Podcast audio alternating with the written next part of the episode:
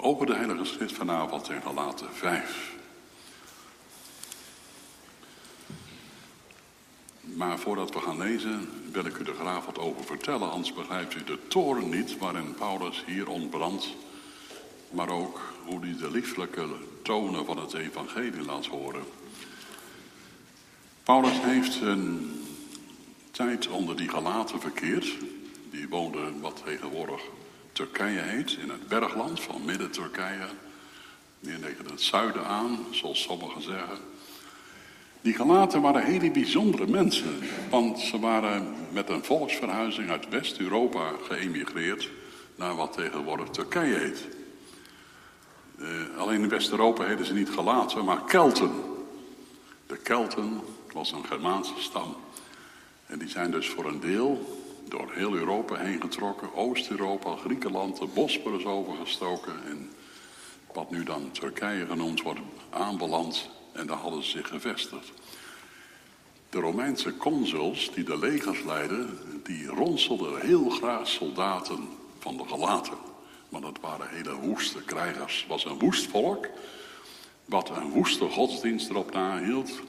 Waar een afgoderij naast bacchanalen en andere vormen van losbandigheid heel normaal waren.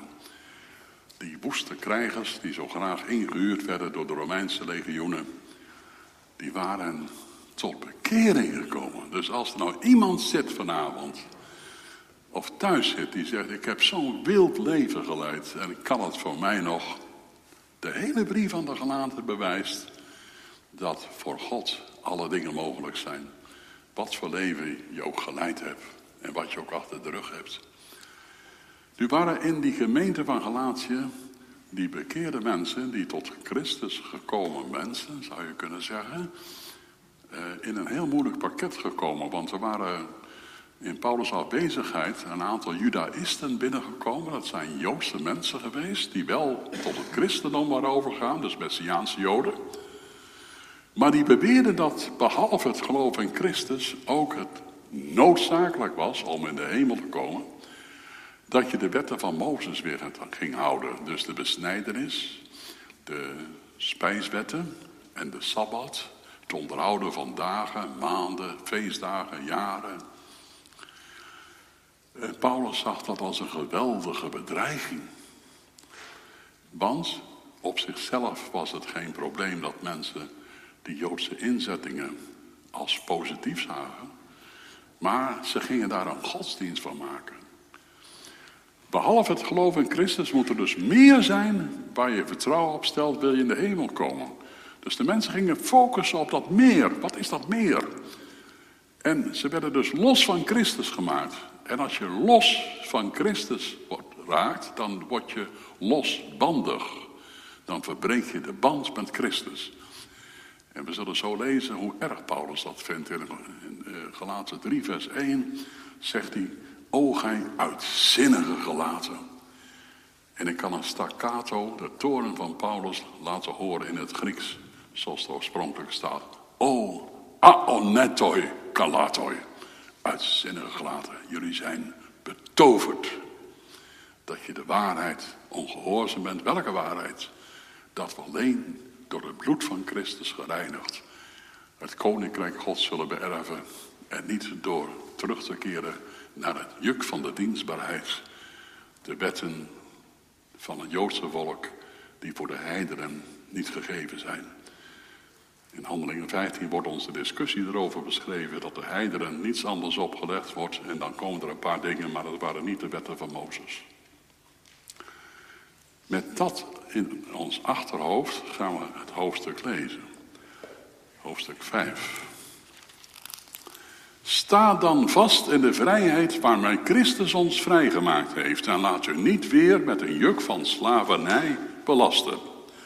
Zie ik, Paulus, zeg u dat als u zich laat besnijden, Christus u van geen nut zal zijn. Dat gaat verder. En nogmaals betuig ik aan een ieder mens die zich laat besnijden dat hij verplicht is de hele wet te onderhouden. U bent van Christus losgeraakt, u die door de wet gerechtvaardigd wil worden en daarmee bent u uit de genade gevallen. Dat gaat ver.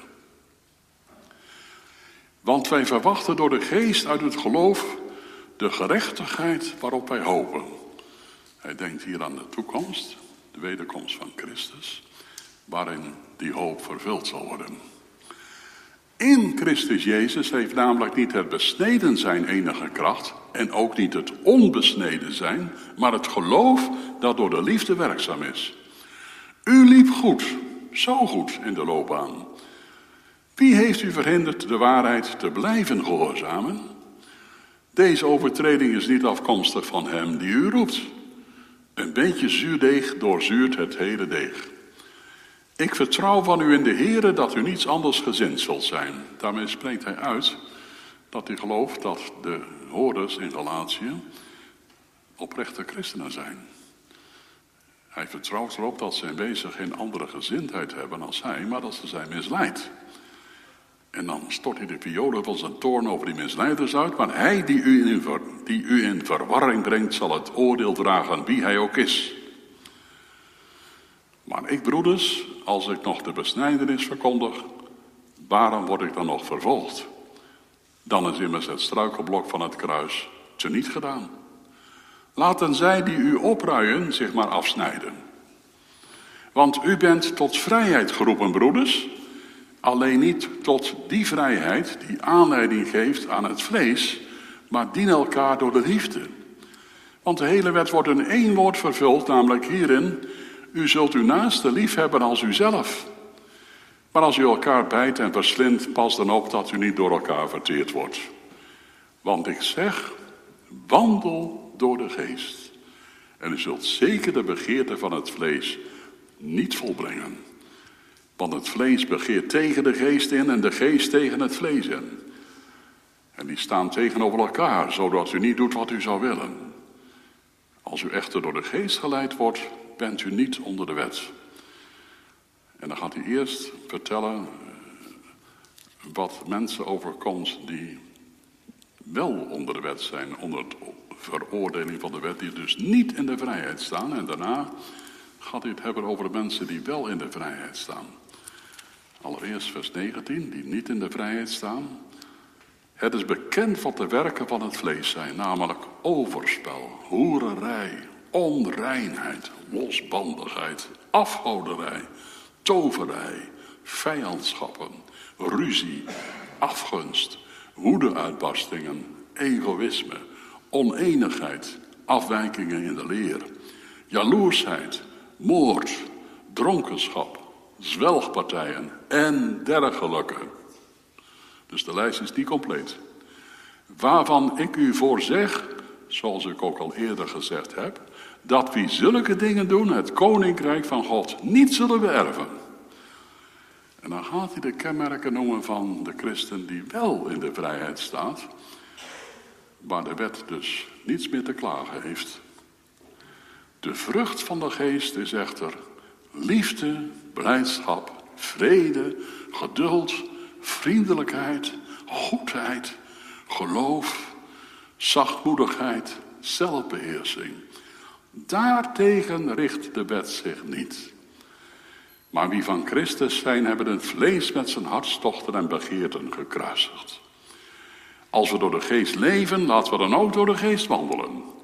Laten we geen mensen met eigen dunk worden, elkaar niet uitdagen en benijden. Tot zover de schriftlezing. Kerntekst is vers 1. Sta dan vast in de vrijheid waarmee Christus ons vrijgemaakt heeft. En laat u niet weer met een juk van slavernij belasten.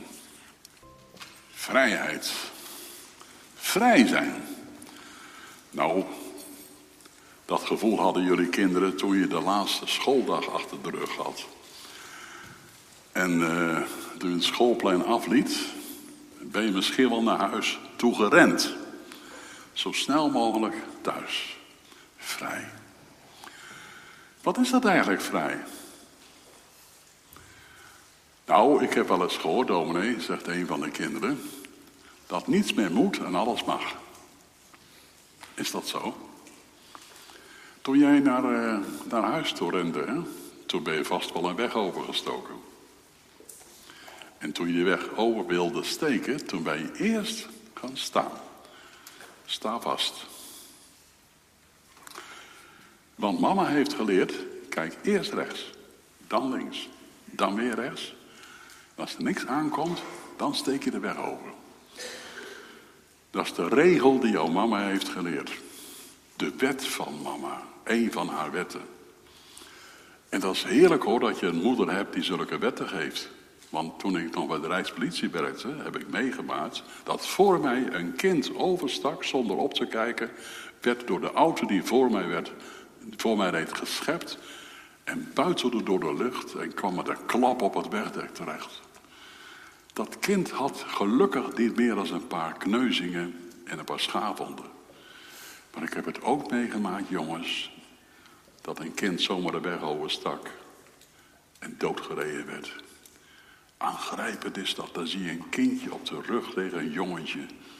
Bloed liep uit zijn hoofdje. Doodstil, lijkbleek, dood. Wat is het heerlijk dat je vader en moeder je wetten en regels meegeven, zodat je beschermd wordt tegen ongevallen.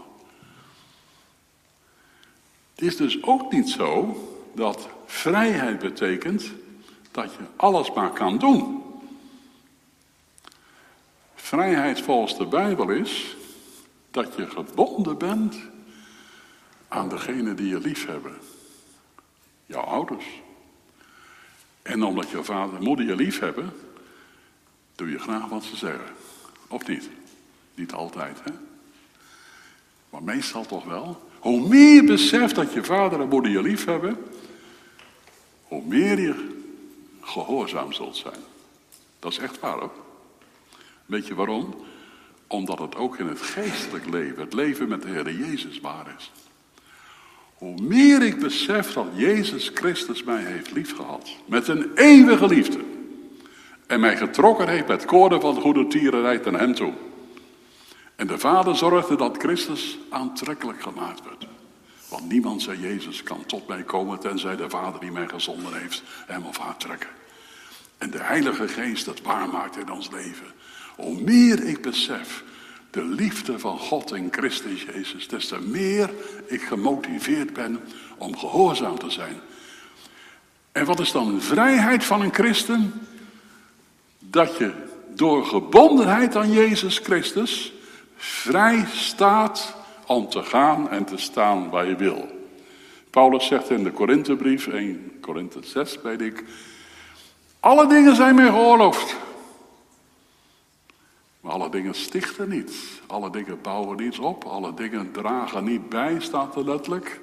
Alle dingen dragen niet bij aan de eer van Christus. Dus ik mag alles als ik daarmee de eer van mijn heiland bedoel en ook dat mag doen. Wat was er nu gebeurd in de gemeenten van Galatië? Er waren mensen die waren binnengekomen, die judaïsten, keurige heren, Joodse mensen, net zoals Paulus en de andere discipelen ook Joden waren. En die verkondigden een andere evangelie. Die zeiden, natuurlijk, de gebondenheid aan Christus, dat brengt de vrijheid van een christen. Maar wil je volmaakt zijn en werkelijk klaar voor de hemel zijn, dan zul je naast de gebondenheid aan Christus je ook moeten houden aan de wetten van Mozes, de besnijdenis, de spijswet en de Sabbat. Zonder dat je je daaraan houdt, ben je niet klaar voor de hemel. En zeker niet voor het koninkrijk van God. Wat komt in de toekomst. Waarom is Paulus daar nou zo vertorend over? Wel, hij weet hoe de Satan werkt. Als de Satan in een kerk de mensen helemaal focust op de tradities, de juiste kleding, de juiste partij kiezen, de juiste scholen kiezen, de juiste krant kiezen, de juiste enzovoorts.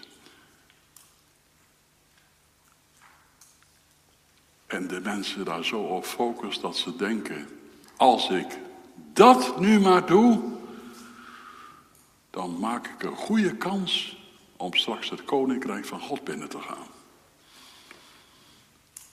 Is niks, geen bezwaar tegen dat je de juiste krant kiest.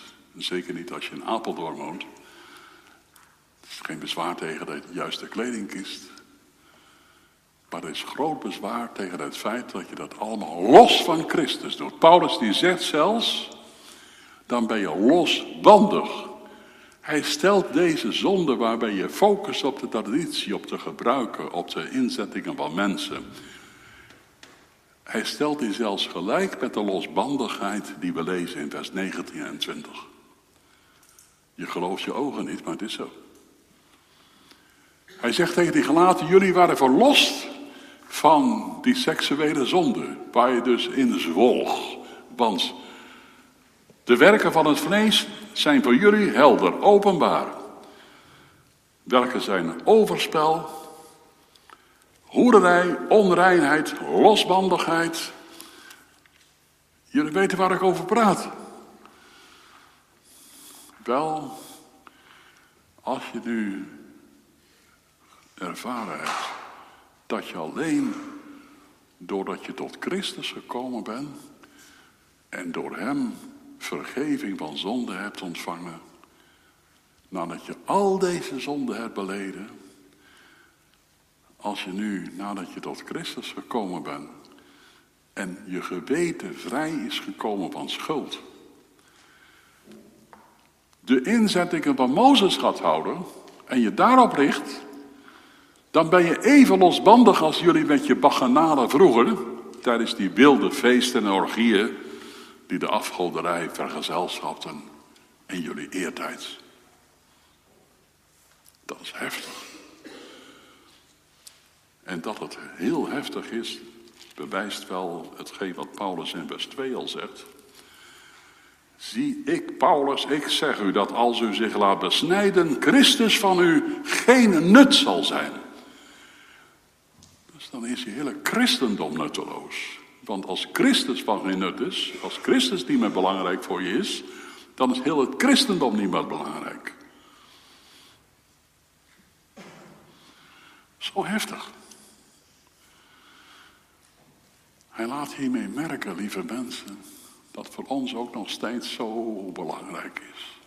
Los van Christus is er geen christendom. Los van een persoonlijke relatie met de Heer Jezus ben je geen christen.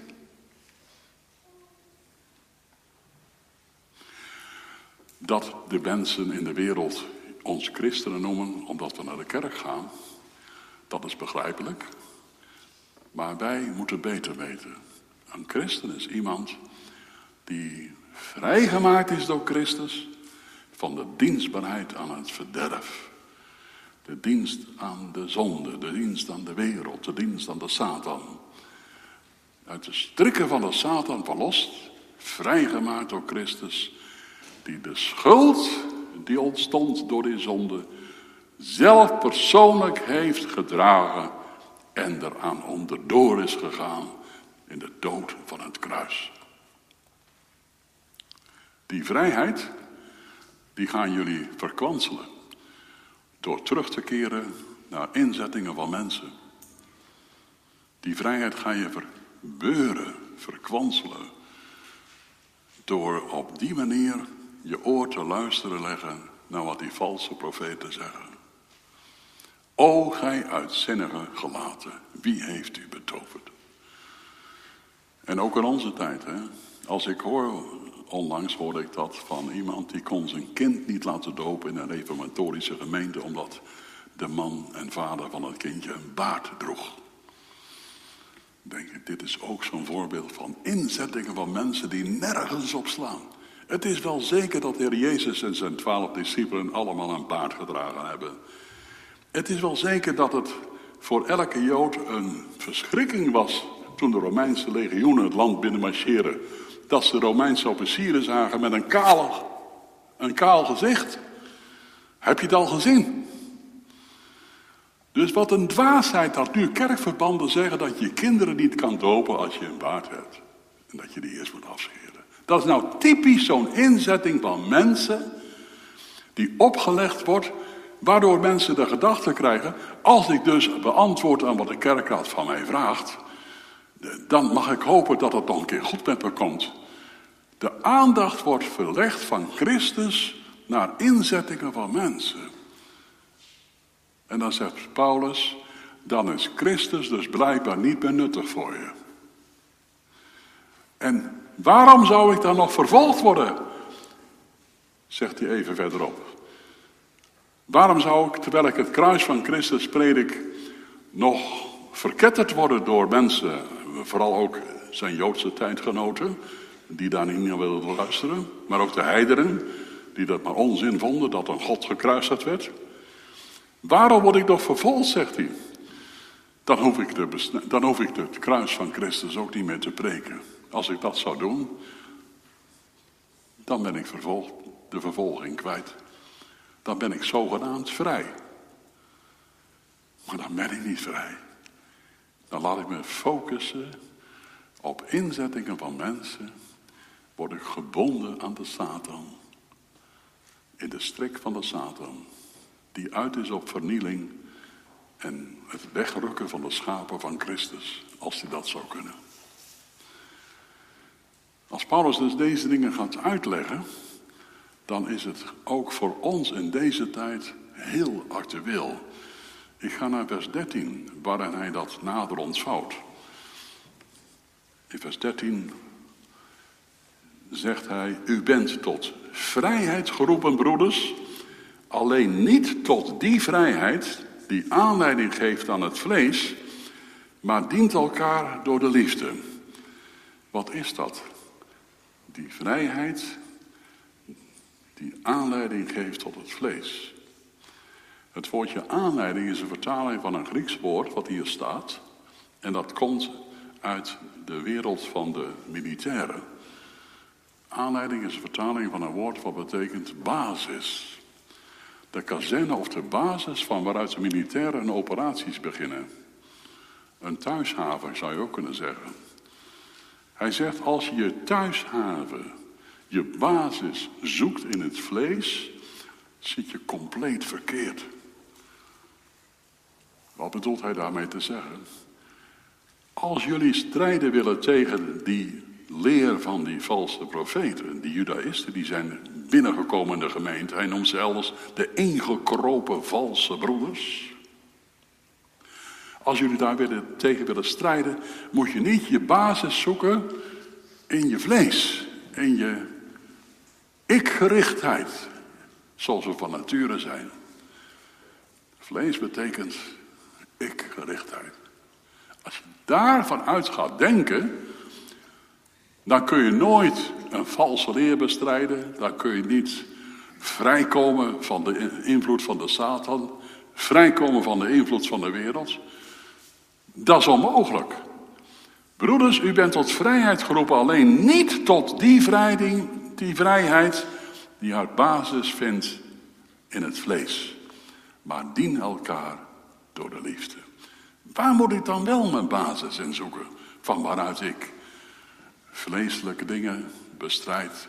De invloed van de wereld, de grootheid van de wereld, de begeerlijkheid van de ogen.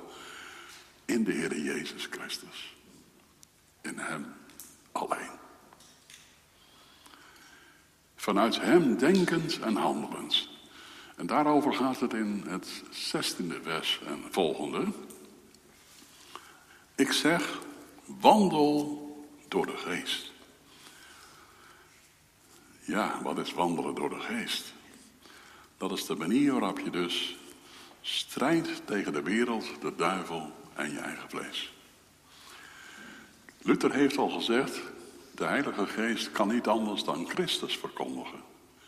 Dus wandelen door de geest is wandelen met Christus.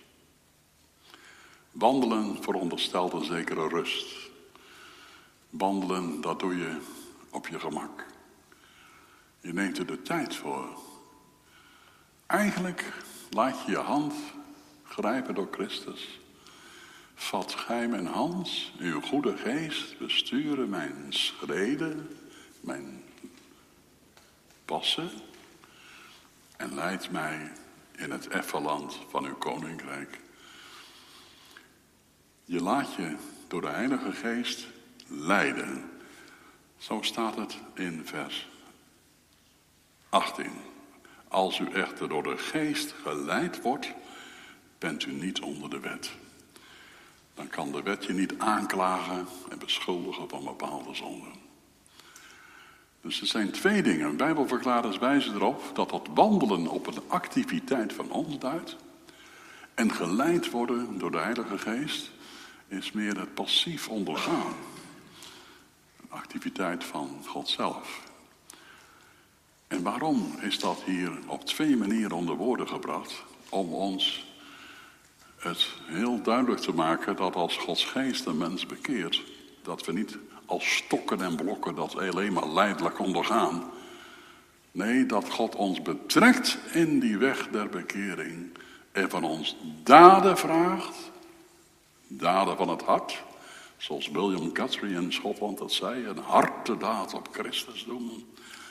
Maar ook soms daden in onze omgeving, in ons gezin, in de omgeving waar we mogen werken en leven. Denk aan de woorden van Filippenzen 2. Werkt uw zelfzaligheid met vrezen en beven, want het is God die in u werkt, bij het willen en het werken.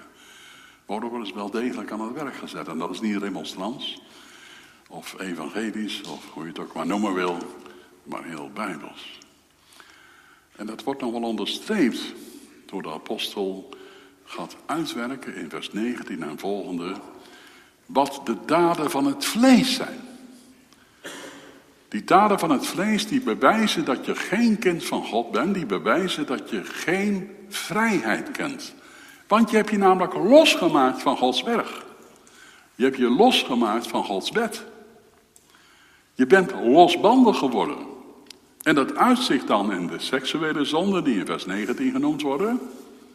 Het is trouwens opmerkelijk dat hij daar eerst mee begint, zoals Paulus in Colossense 2 dat ook doet. Blijkbaar hebben die een enorme impact op mensen, nog steeds. En aan de tweede plaats heeft hij het over de relatiezonde. Toorn, twist, gekijf, tweedracht. Ik denk ook vaak aan de kerkelijke zonde. Is dat niet wat ook in de kerk heel veel plaatsvindt? In 2004 dachten we dat we het lek boven water hadden. We waren bevrijd van die vrijzinnigheid. We waren bevrijd van de verkeerde kerkorde. We waren nu samengekomen in een nieuwe kerk. Het nieuwe normaal. Toen zei een collega tegen mij, in die tijd dat dat allemaal zich voltrok. Het is wachten op de volgende afscheiding in jullie hersteltevormde kerk. En inmiddels is het waar. Scheveningen twee hersteltevormde gemeentes. Waddingsveen twee hersteltevormde gemeentes. Huizen twee hersteltevormde gemeentes. Urk twee hersteltevormde gemeentes. Ik vraag u, is dat uit het vlees of is dat uit de geest?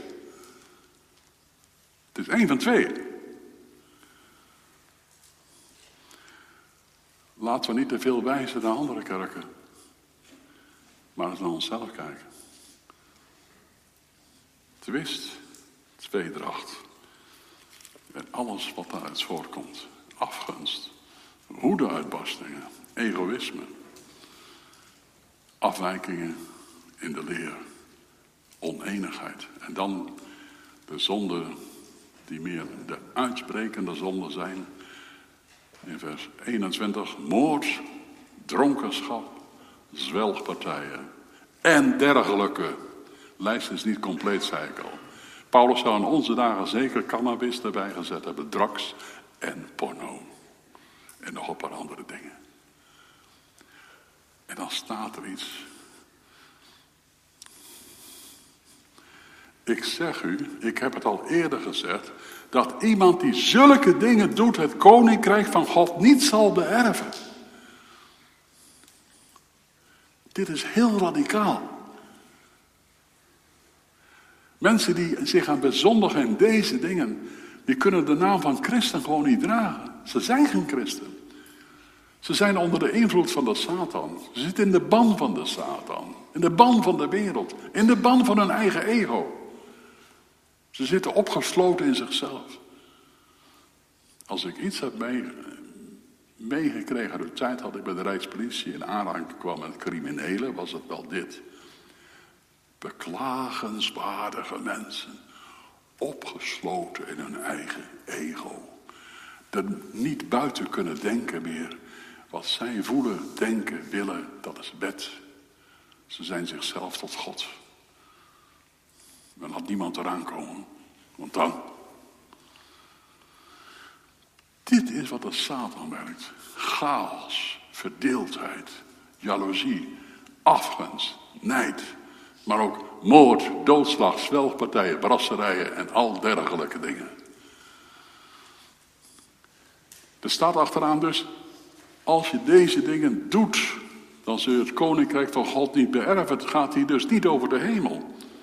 Het gaat hier over het koninkrijk van God, wat op aarde zal komen na de wederkomst van Christus. En hij koning zal zijn over de ganse aarde en zal tronen in Jeruzalem, zoals Zacharia 14 net beschrijft. Hoe weet u dat zeker, dominee? Omdat er staat beërven. De Jezus heeft nooit gezegd dat we de hemel zullen beërven. Maar hij heeft gezegd, de zachtmoedigen zullen het aardrijk beërven. Dus overal waar over een erfenis gesproken wordt, gaat het over de aarde, het koninkrijk van God na de wederkomst van Christus. Zoals Paulus tegen Timotheus zegt, dat indien hij verdraagt, zal hij straks ook met Christus heersen. En zoals Paulus over de erfenis spreekt, dat Gods kinderen erfgenamen zijn van God mede-erfgenamen van Christus. Dus wat gebeurt er nu als mensen zo gaan leven dat ze hun vlees, de zonde, de wereld, de Satan toegeven, zich erdoor laten beheersen, dan missen ze het koninkrijk van God. Ze missen wat 1 Korinthe 6 ons vertelt, dat de opgestane heiligen de wereld zullen oordelen, de engelen zullen oordelen. Wat een hoge positie krijgen we straks. Ze missen dat de aarde weer terug zal gebracht worden tot het paradijs en nog veel mooier, zoals het geweest is. De plant- en de dierenwereld die hersteld zullen worden. De aarde zal één grote lusthof worden. Waarom wil je dat missen? Dat moet je toch niet willen? Waarom zou je voor de schotel linzenmoes van de wereld de erfenis verkwanselen? Want die zulke dingen doen, zullen het koninkrijk van God niet beërven, staat er.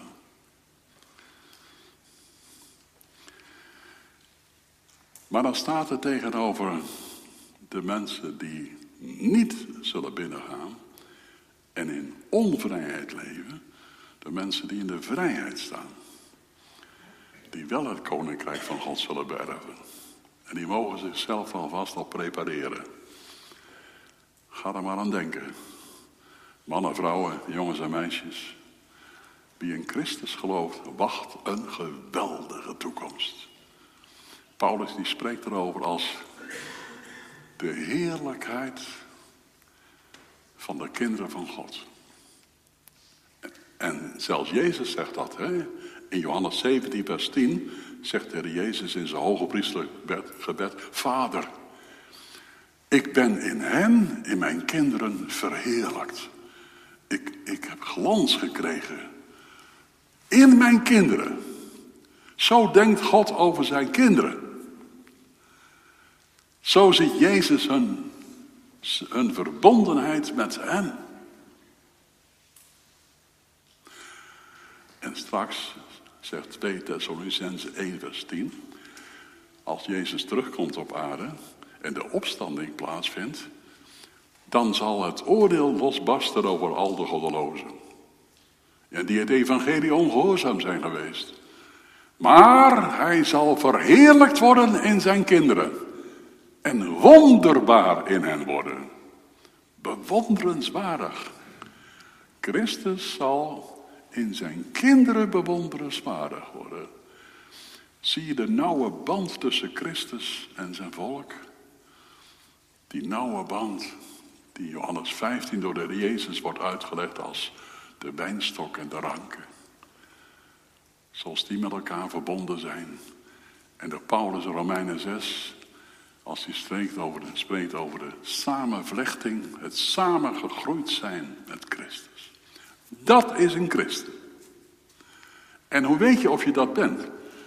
Wel, de kenmerken van het christen zijn worden nergens in de Bijbel, denk ik, helder onder ogen gebracht als hier in Galaten 5, vers 22.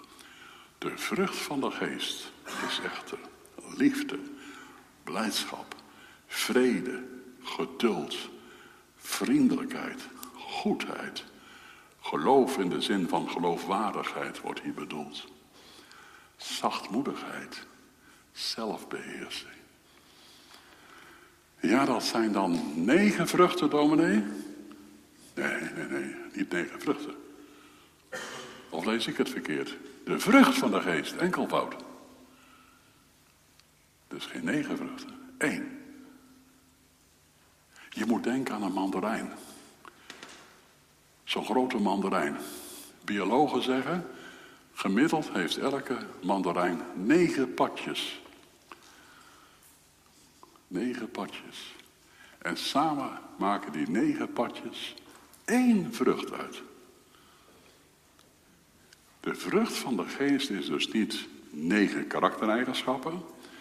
Vriendelijkheid, zachtmoedigheid, blijdschap, vrede. Nee, het is iets wat uit de Heilige Geest komt. Zoals een vrucht niet door ons aan de boom geplakt wordt, maar uit die boom groeit. Een vrucht is iets wat uit de boom groeit. De boom des levens, Christus, brengt door de Heilige Geest de vrucht van de Heilige Geest in ons leven. Die ene vrucht, die negenvoudig is. Om dat te begrijpen moeten we naar Christus gaan, want ja, bij alle vragen die we hebben over het geestelijk leven, is het eerste wat we moeten doen, is op Christus letten. De ogen houdt men stilgemoed opwaarts om op hen te letten. Stel je voor dat we Nazareth in de tijd van Christus, eerste omwandeling op aarde, want straks gaat hij weer op aarde wandelen, daar ook gestaan hadden bij de dorpsput. De vrouwen die kwamen eraan lopen om water te putten. En Jezus stond daar bij de put. En de kinderen, die kwamen ook graag naar hem toe. Die man had iets aantrekkelijks. En de volwassen mannen, voor zover ze niet in de visserij of op het land aan het werk waren. Of stenen sjouwden voor Herodes en paleizen. Die kwamen ook graag naar hem toe. Hij trok mensen aan. Wat was nu het aantrekkelijke van Christus? Wat was dat nu eigenlijk? Ik zal het u vertellen. Liefde, vrede, blijdschap, zachtmoedigheid, vriendelijkheid, geduld, zelfbeheersing. Heb ik ze allemaal?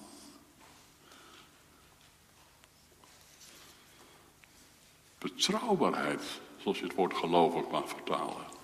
Goedheid. Dat is Christus. Die negenvoudige vrucht en die ene schil is het beeld van Christus zelf. En nu wij. Paulus heeft in Romeinen 8, vers 15 en 29 het grote doel van de verlossing uitgelegd. Het doel van onze verlossing is niet in de eerste plaats dat we naar de hemel gaan, of dat we bekeerd worden, of dat we zalig worden. Dat is allemaal ook belangrijk, maar niet het grote doel. Het grote doel, noemt Paulus, dat we aan het beeld van Christus gelijkvormig gemaakt worden. Dat we op Hem gaan lijken. En dat gaat gebeuren straks. Want als Christus terugkomt en hij laat al zijn miljoenen kinderen opstaan uit de doden, dan zullen ze allemaal met de woorden van Spurgeon de reflectors zijn van Hem. Ik heb u de vorige keer er ook al iets over gezegd, dacht ik. En dan zal Christus zeggen, vader, zie hier, ik en de kinderen die gij mij gegeven hebt. Ze zijn de uwe, vader. En dan zal de vader met goedkeuring naar de zoon kijken en de mede-erfgenamen van zijn zoon. Omdat ze allemaal aan de zoon gelijkvormig zijn geworden. Met een eigen identiteit, want ze krijgen een eigen nieuwe naam, maar gelijkvormig aan Christus. Dat is ten diepste het doel van onze verlossing. Zodat we straks als waardig worden bevonden om met Christus als koningen te heersen en de wereld te oordelen en de schepping te herstellen, zoals God het heeft beloofd aan de profeten. Dus die ene vrucht slaat op die ene Christus. En wanneer hebben wij die vrucht van de geest dus? Als we hoe langer hoe meer aan Christus verbonden raken. En hoe langer hoe meer de levende sappen uit die levensboom als ranken in ons leven laten vloeien. Indien gij mij blijft, zegt Christus tegen ons in Apeldoorn vanavond, of tegen u die thuis meeluistert. Indien gij mij blijft, ik en u en gij en mij, dan zult ge veel vrucht voorbrengen. Veel. Dus ga niet proberen om uw karakter wat op te wijzelen door te zeggen, ik moet ook wat goediger zijn voor mensen. Ik moet meer blij zijn, ik moet meer liefde hebben. Dan zoek je je basis van je verbetering, van je verandering in je eigen vlees. In je eigen denken, in je eigen gevoelsleven. Je moet het vanuit Christus doen. O grote Christus, eeuwig licht, niet is, niets is bedekt voor uw gezicht. Waar wij ook staan, waar wij ook gaan. Al schijnt geen zon, al schijnt geen maan. Ik laat me leiden door u, de Heilige Geest. En zo wandel ik met Christus. En hij leidt me straks door die geest het koninkrijk van God binnen. Daar hoef ik niet aan te twijfelen. Dat zal zijn werk zijn. Het opmerkelijke van die vrucht van de Heilige Geest, dus niet de vruchten, maar de vrucht is dat je het in drieën kan delen.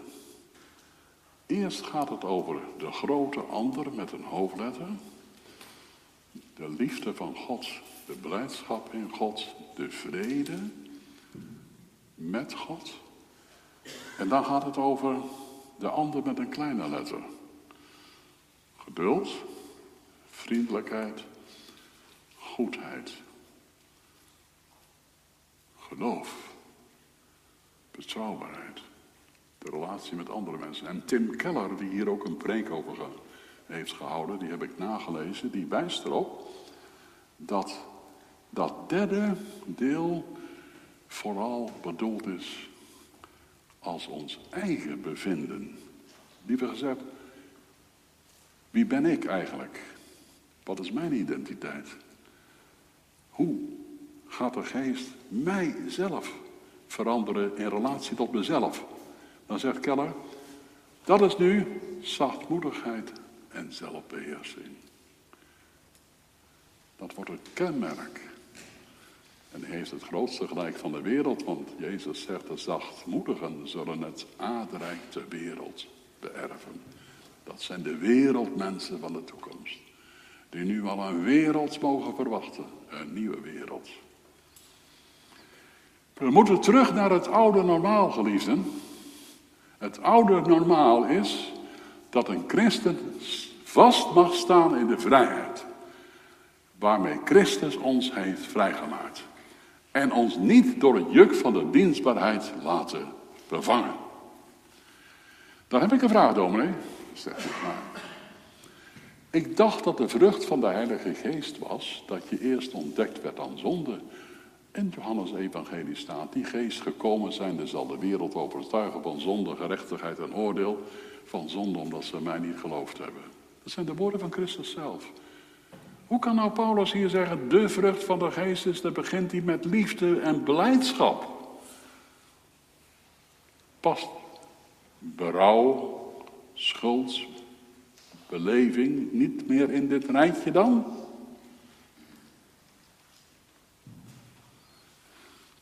Uh, als jij uh, destijds uh, verliefd werd op wat nu je vrouw is, dan kon je niet voorstellen dat de liefde van haar jou tot een geweldige ontdekking zou brengen.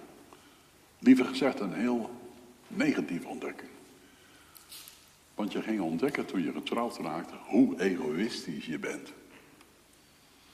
Vroeger deed je precies waar je zin in had. Je ging met je vrienden op pad en je wist het wel zo te sturen dat je vrienden deden wat jij deed. Maar nu je één in je eigen huis hebt, die naast je staat, die je, die je lief heeft. Nu kan ik niet zomaar meer doen wat ik zelf wil. Zij ontdekt mij aan zonde. Mijn ik-gerichtheid. Mijn niet-bereidheid om er echt voor haar te zijn. Toch een beetje dat vrije jongensleven voor te zetten. Al ben ik getrouwd. De liefde van je vrouw is de ontdekking aan zonde. En ook de liefde van je vrouw, vrouw werkt het berouw. Bent u het daarmee eens? Als je goed huwelijk hebt. Paulus zegt, in het geestelijke leven is het net zo. Het zijn de goede tierenheden des Heren die een mens tot bekering brengen. De liefde van God. Hoe meer we die gaan ervaren, hoe meer ik ontdekt word aan de walgelijke zonde van het ongeloof. Die geest zal overtuigen, omdat ze mij niet geloofd hebben. Hoe meer ik de liefde van Christus ervaar in mijn leven, hoe meer ik overtuigd word dat het anders moet in mijn leven. En leer ik wat berouw is.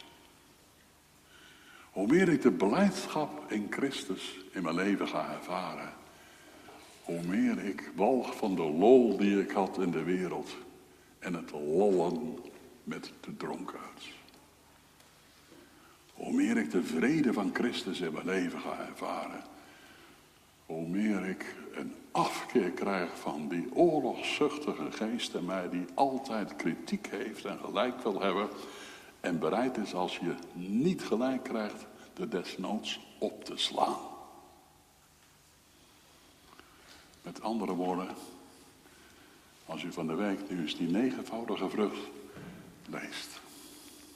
En je gaat met dit voorbeeld van ogen eerlijk worden voor God. Dan zul je ontdekken dat hoe meer die vrucht van de geest in mijn leven werkelijkheid wordt, hoe meer Gods liefde, blijdschap en vrede in mijn leven werkelijkheid wordt, hoe groter zondaar ik word. Dat is de ervaring, de bevinding van al Gods kinderen. Ik weet, mijn vader zei, vlak voor zijn sterven, ik wist niet, jongen, dat het zo erg was. Dat had hij ook moeten ontdekken. Maar dat mag geen reden zijn om te zeggen, dus keer ik terug onder het juk van de wet. Dus moet ik opnieuw leren om die zonde te haten en die te laten. Nee, fout. Dan kies je de basis in je eigen vlees. Ik ga vanuit de liefde van Christus denken. Ik ga vanuit, vanuit de blijdschap van Christus denken. Ik ga uit, vanuit de vreugde van de toekomende wereld denken. Want hij zal zeggen, komt in in de vreugde des Heren. De vreugde van de Heren, ja. God zal zich mateloos verblijden over zijn kinderen in de toekomst van Christus. Daaruit moet ik gaan denken. Dat brengt bij mij een evangelische boetvaardigheid teweeg, zoals de Schotten het zeiden. Een werkelijke boetvaardigheid, bekering, berouw. Vanuit Hem denkend. Want de Heilige Geest, die in de vroege kerk de zoete gast van de ziel werd genoemd, die is er niet op uit om te vernielen en om tweedracht te zaaien in jouw hart maar om te helen. En de liefde van Christus voelbaar te maken, tastbaar te maken in je leven. Dat is wat de Heilige Geest wil. Daarom werd hij in die eerste christentijd de zoete gast van de ziel genoemd. Ja, maar Paulus die zegt toch ook maar, het kwade wat ik niet wil, dat doe ik. En het goede wat ik wil, dat doe ik niet. Dominee, is het niet wat te positief voorgesteld allemaal? Nou, misschien ben ik niet duidelijk genoeg geweest. En dat kan heel goed zo zijn. Dan zeg ik het nog een keer. Als iemand de liefde van Christus ervaart in zijn leven, wordt hij daardoor tot oprechte ontdekking aan zonde en berouw gebracht. En de noodzaak van vergeving. Dat heeft Paulus tot aan zijn oude dag, tot aan zijn dood toe ervaren. Dus als hij zegt, het kwade wat ik niet wil, dat doe ik, dan wist hij dat die oude mens der zonde, dat restant van zijn vorige leven nog steeds aanwezig was. Juist doordat de liefde van Christus ervoor was, hij zich daar zo van bewust. Ik denk dat het mogelijk is als we straks in de toekomst Paulus spreken, dat hij je zal vertellen: Ik heb tot mijn dood toe geworsteld met het racisme van de Joden. Ik was een fariseer uit de fariseeën. Ik was uit de stam van Benjamin. Ik was besneden, ik had alles mee. Ik was de gedoodverfde hoogleraar theologie in Jeruzalem. De opvolger van Gamaliel. Ik heb mijn leven lang tegen die hoogmoed moeten strijden die daaruit voortkwam. Ik, Saulus. Zou me niet verbazen als we het straks van hem zullen horen. Dat was het kwade wat ik niet wil, dat doe ik. Denkt u niet? Paulus heeft zich niet uitgeleefd in de zonde. Wel nee. Maar had genoeg aan zijn eertijds. Ook al wist hij dat die zonden vergeven waren. Want hij wist hoe waar het was wat in vers 24 staat. Wie in Christus zijn, hebben het vlees met zijn begeerlijkheden, met zijn hartstocht en begeerte gekruisigd. Dat is een dagelijkse praktijk. En denk erom dat het een pijnlijke praktijk is. Maar goed, door de geest leven is ook dit steeds meer leren doden. Ik eindig met een jonge kerel van 16 jaar, die op een bijzondere wijze heeft laten zien dat als je de vrucht van de geest kent, dat je dan vooral de liefde van Christus in je leven ervaart en ook van de weeromstuit, hoe kan het anders? De mensen om je heen lief hebt en zeker de mensen die dus kansarm zijn of bedreigd worden. Die jongen die heette Peter ten Boom. Het was in de oorlogsjaren in Haarlem. En Peter was organist in de kerk. 16 jaar organist. En Peter wist dat de Duitsers verboden hadden om het Wilhelmus te spelen op het orgel. En zeker niet om het Wilhelmus te zingen. En aan het eind van de dienst trok Peter al zijn registers uit. En met het volle werk zette hij het Wilhelmus in. De mensen in de gemeente schrokken. Maar toch hier en daar gingen ze opstaan. En begonnen ze te zingen. En op een gegeven moment de hele gemeente met volle borst het Wilhelmus. Natuurlijk hebben de Duitsers daar lucht van gekregen. Peter werd gearresteerd en in de gevangenis gezet. Had het er graag voor. Om de God van de Vader des Vaderlands te eren. Mijn schild en de betrouwen. Zijt gij, o God, mijn Heere. Op u zo wil ik bouwen. Verlaat mij nimmer meer. O lof o arme schapen, die daar zijt in nood. Uw herder zal niet slapen. Toen Peter vrijkwam, toen heeft hij samen met een aantal anderen zich het lot aangetrokken van Joodse kindertjes, die door de SS uit de woningen, uit de armen van hun moeders werden gerukt en op transport naar Vught en later naar de vernietigingskampen in Duitsland en Polen werden gesteld. Hij heeft baby's gered en kleine kindertjes. Met grote risico's voor hun eigen leven.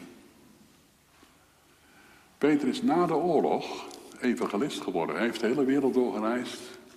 En op een gegeven moment kwam hij ook in Israël. En daar kreeg hij een hartaanval. Zo ernstig dat hij geopereerd moest worden. En snel ook. Toen kwam hij in gesprek, het intakegesprek vond plaats met een chirurg die hem ging opereren. Een Jood. Toen zei die chirurg, Peter ten Boom, bent u soms familie van de ten Booms in Haarlem? Ja, zegt Peter, dat is mijn familie. Corrie ten Boom was, ik, zijn tante. Oh, zei die chirurg en de tranen stroomden over zijn wangen. Die familie heeft een baby gered. Vele baby's gered. En ik ben één van die baby's. De vrucht van de Heilige Geest. Liefde, blijdschap, vrede. Wat heeft hij teweeg gebracht? U kon de geredde baby Peter den Boom redden als chirurg. Lieve mensen, als we tot Christus komen, dan belooft Hij, in mij zul je veel vrucht voorbrengen. Geloof dit zijn heil en troostrijkwoord. Want Hij spreekt ons vrij van de schuld. De vrijheid van een christen is dat hij met een vrij geweten, zonder belasting van het geweten, zijn weg door de wereld mag zoeken. En mag zingen. De Heere, nu is de Heilige Geest. En waar de geest des Heer al is, al daar is vrijheid. Of met de woorden van Psalm 85. De schuld uws volks hebt gij uit uw boek gedaan. Ook ziet gij geen van hun zonde aan. Amen. Laten we dat gaan zingen, Psalm 85 en daarvan het eerste vers.